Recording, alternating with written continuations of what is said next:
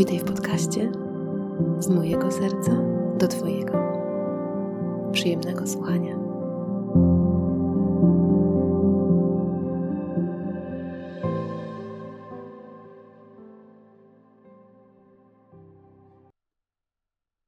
Wiesz, co uważam za jedną z najgorszych rzeczy, która nam się przydarzyła w dzieciństwie? To, że zabijano w nas pogodę ducha. To, że to, co było w nas najbardziej żywe, entuzjastyczne, rozświergotane, śmiejące się w głos, pełne wesołości, było stopniowo, powszechnie, bo i w domu, szkole, kościele, metodycznie i konsekwentnie urabiane, tonowane, tłamszone, zawstydzane, by zrobić z nas ułożonego człowieka, który jest opanowany, rozsądny i nie śmieje się jak głupi do sera. Problem w tym, że tracąc coraz bardziej kontakt z tym wewnętrznym entuzjazmem, z tą tryskającą wewnętrzną radością, stajemy się cieniem człowieka i mamy coraz bardziej poczucie, że życie wydarza się obok nas. Z czasem nic tak naprawdę nie cieszy, nic na dłuższą metę nie raduje tak prawdziwie.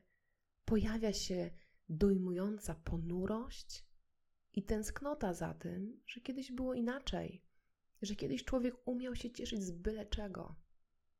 A teraz, mimo że nas stać, mimo że spełniamy swoje marzenia czy zachcianki, mimo że coś osiągamy, co dla nas ważne, możemy mieć poczucie, że i tak nas to nie cieszy, albo że nie umiemy się tym cieszyć.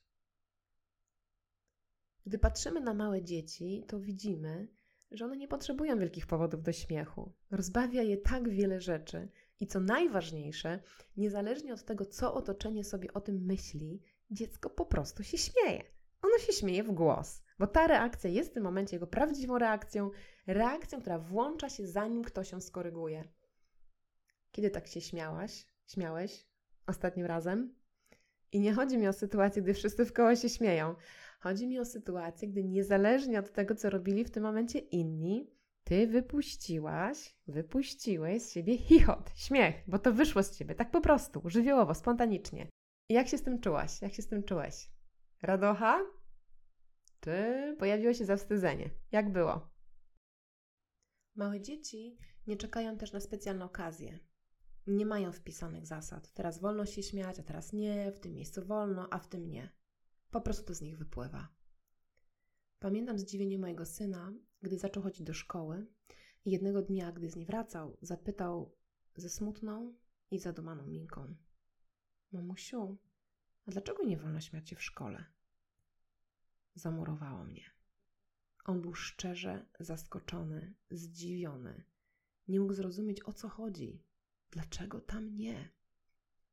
Pamiętam, że zrobiło mi się smutno, bo on był bardzo radosnym, żywiołowym maluchem i też dlatego, bo zdałam sobie sprawę, jak bardzo ja sama dałam się urobić. Bezrefleksyjnie, że dla mnie, jako dla dziecka, to było oczywistością, że na lekcjach nie wolno się śmiać. Ja nie zadawałam takich pytań. I dopiero, gdy pojawiło się moje małe dziecko z tym pytaniem, zrobiłam wielkie oczy. No właśnie, dlaczego? Tak naprawdę, dlaczego nie wolno śmiać się na lekcjach? Zaczęłam naprawdę zastanawiać się nad tym, gdzie, w jakich okolicznościach śmiech społecznie nie jest przyzwalany. Ci, którzy mnie znacie, wiecie, że ja śmieję się radośnie i spontanicznie i na sesjach, i na warsztatach. Myślę, że jest to między innymi dzięki temu, co zrodziło we mnie pytanie mojego syna wtedy. On tego dnia otworzył mi oczy. On tego dnia stanął nie tylko za przeżywaniem swojej radości, ale również radości mojego wewnętrznego dziecka. To był taki efekt motyla, taka niby nieznacząca rozmowa, która wpłynęła na odblokowanie przepływu radości i emanowania nią. Po prostu, by jej doświadczać, ale też, żeby odblokowywać ją w innych. Dlatego radość jest nieodzowną jakością w moim podejściu, w moim towarzyszeniu innym ich procesach. U szpilki nie ma tylko płaczu, złości, pochylania się na tym, co trudne i ciężkie. U szpilki jest też ubaw. I tak, wiem, są takie sytuacje i miejsca, gdy radość musi ustąpić innym emocjom. Dlatego chcę podkreślić, że tu nie chodzi o to, że mamy zachowywać się zawsze i wszędzie jak małe, rozbrykane dziecko. Nie. Tu chodzi o to, by odzyskać to, co zagubiliśmy po drodze do dorosłości i bez czego trudno nam cieszyć się życiem i robić je z siebie prawdziwego. A każdy z nas ma w sobie taką swoją wewnętrzną fontannę tryskającą radością, zachwytem, entuzjazmem. To ona jest tym, co powoduje, że chce się żyć. Jeśli została ona zapomniana, zapuszczona, obrośnięta jakimś badziewiem, to dobrze jest ją oczyścić i udrożnić, by wróciła lekkość życia i radość z tego, że się żyje. I tak, wiem, ja tu radości, a ty może jesteś w tak zwanej czarnej dupie. Może trudno jest sobie cokolwiek poczuć i udrożnić. Może nie masz dostępu do złości, smutku, żalu, a co dopiero do radości. Tak, może tak być. I jeśli tak jest, zajmij się tym, co teraz wymaga Twojej uwagi, co teraz Ciebie woła i pamiętaj, że tak jak tłamsimy te tak zwane negatywne emocje, tak samo tłamsimy te tak zwane pozytywne. I na każdą z nich przychodzi swój czas. Ta wewnętrzna podróż po siebie samego ma swoje etapy. Jest taki czas, gdy potrzebujemy skupić się na tym, co w nas cierpi, co potrzebuje wypłakania, wykrzyczenia, wyżegania, zaopiekowania, ukojenia, a nie na tym, jakbyśmy chcieli, żeby było cudownie w naszym życiu. Pamiętam ten czas, gdy ja po prostu chciałam, by przestało boleć. Tylko tyle, niech już tak nie boli. Radość była wtedy tak odległa i była tak obcym konceptem, że wszystko, co radosne, drżniło mnie, w tym moje chichoczące i rozbrykane dzieci. Z czasem jednak, im więcej bólu zostało we mnie ukojonego, im zdrowsza, mocniejsza się czułam, tym coraz bardziej byłam gotowa wyjść z wewnętrznego kokona do życia. Wtedy pojawiło się we mnie pytanie: ku czemu idę? Co chcę zrobić z tym moim odzyskanym życiem? Czym chcę wypełnić relację z moją wewnętrzną dziewczynką? Co będzie paliwem do dalszej podróży przez życie? To ważne, kochani, bo życie nie lubi próżni i jeśli mu nie powiemy, czym ma ją wypełnić, to wypełni ją czymkolwiek. Dlatego, jeśli jesteś w takim momencie życia, gdy wykonałaś, wykonałeś sporo tak zwanej wewnętrznej pracy i masz wrażenie, że nie wiesz co dalej, albo stoisz w miejscu, to może już czas, by wybrać, ku czemu idziesz. W tym miejscu przypomina mi się taki tekst, który krąży od lat o nas, Polakach. Że umiemy walczyć, ale potem nie wiemy, co z tą wolnością zrobić. Może jednym z powodów tego jest to, że z pokolenia na pokolenie jesteśmy przyzwyczajeni do cierpienia, poświęceń, do tego, co trudne, ciężkie, i mamy kłopot z odnalezieniem się w tym, co lekkie, przyjemne, radosne, szczęśliwe. Wręcz mówiąc temu tak, możemy się poczuć trochę jak zdrajcy, lenie, egoiści, wygodnicy. To może nas naprawdę hamować przed kreowaniem swojego życia w zgodzie ze sobą i w zgodzie ze swoją naturą, w zgodzie z tym, co daje nam radość. Ja tak miałam wielokrotnie, czasem nadal mam. I wtedy zatrzymuję się, by dać sobie samej zgodę. Tak, dosłownie. Muszę się zatrzymać i poczuć to, że daję sobie zgodę. Poczuć to tak dla siebie. Pamiętam, gdy usłyszałam kilka lat temu od mojej irlandzkiej przyjaciółki, że ma poniedziałki wolne, że to taki czas dla niej, czas, który spędza sama ze sobą albo spotyka się z tymi, którzy są jej bliscy. Ach, jak ja jej zazdrościłam. Ach, jak ja tego zapragnęłam, jak ja się rozpłynęłam na samą myśl o tym. A za chwilę pojawiła się inna myśl.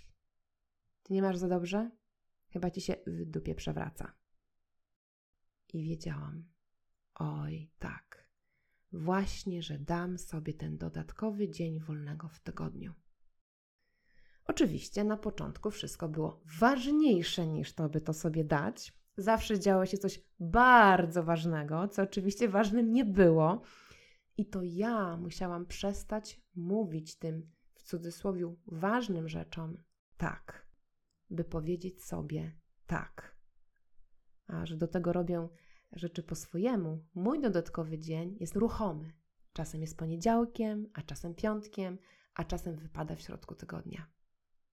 Bo dobro dla siebie trzeba wybrać.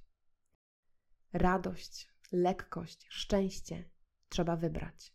Trzeba powiedzieć temu w sobie głębokie tak i poczuć, jak tym tak dajemy sobie prawo do decydowania o swoim życiu, prawo do kreowania swojego życia. A potem trzeba to przenieść na działanie, trzeba to ucieleśnić konkretnym zachowaniem, tak jak tutaj podałam w tym przykładzie.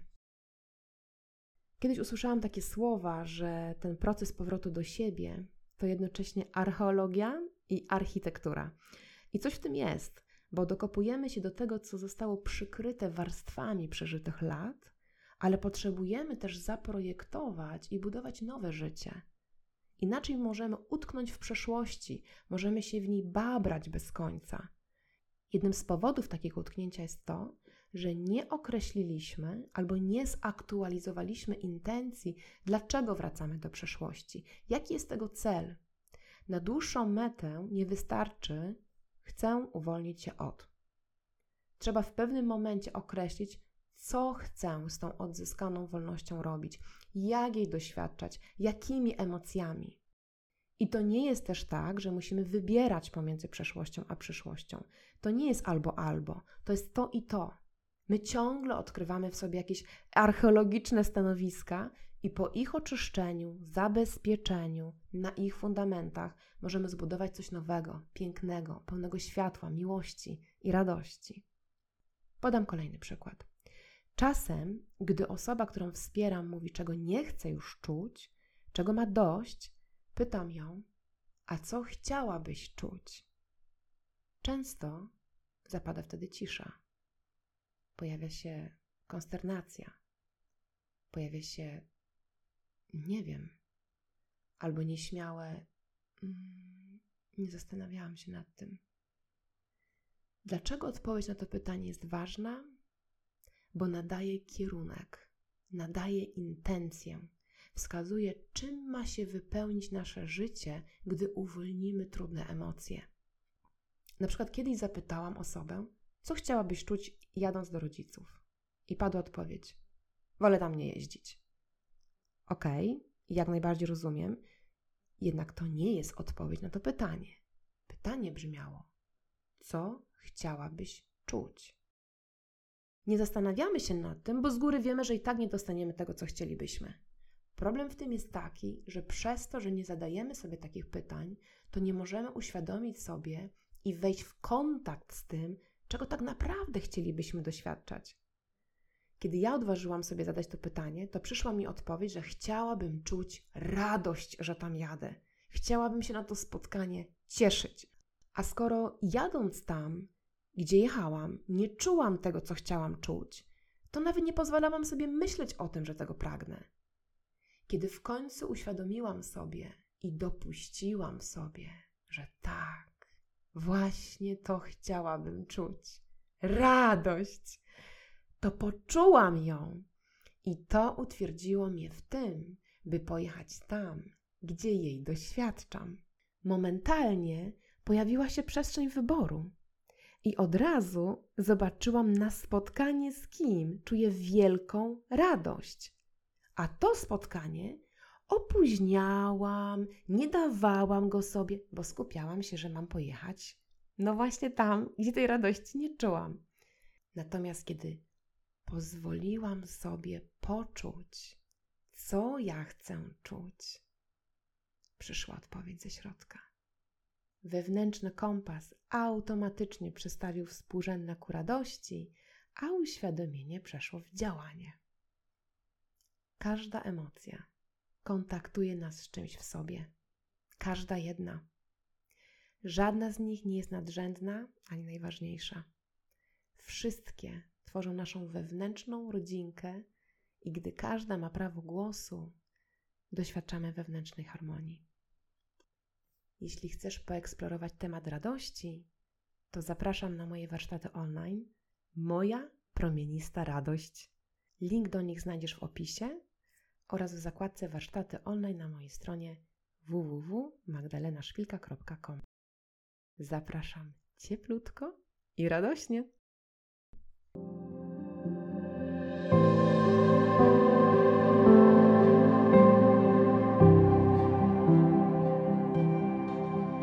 Jeśli to, czym się tutaj podzieliłam, rezonuje z Tobą, to zapraszam ciepło na moją stronę www.magdalenaszpilka.com oraz na mój kanał na YouTubie pod moim nazwiskiem Magdalena Szpilka. Pozdrawiam Cię bardzo ciepło.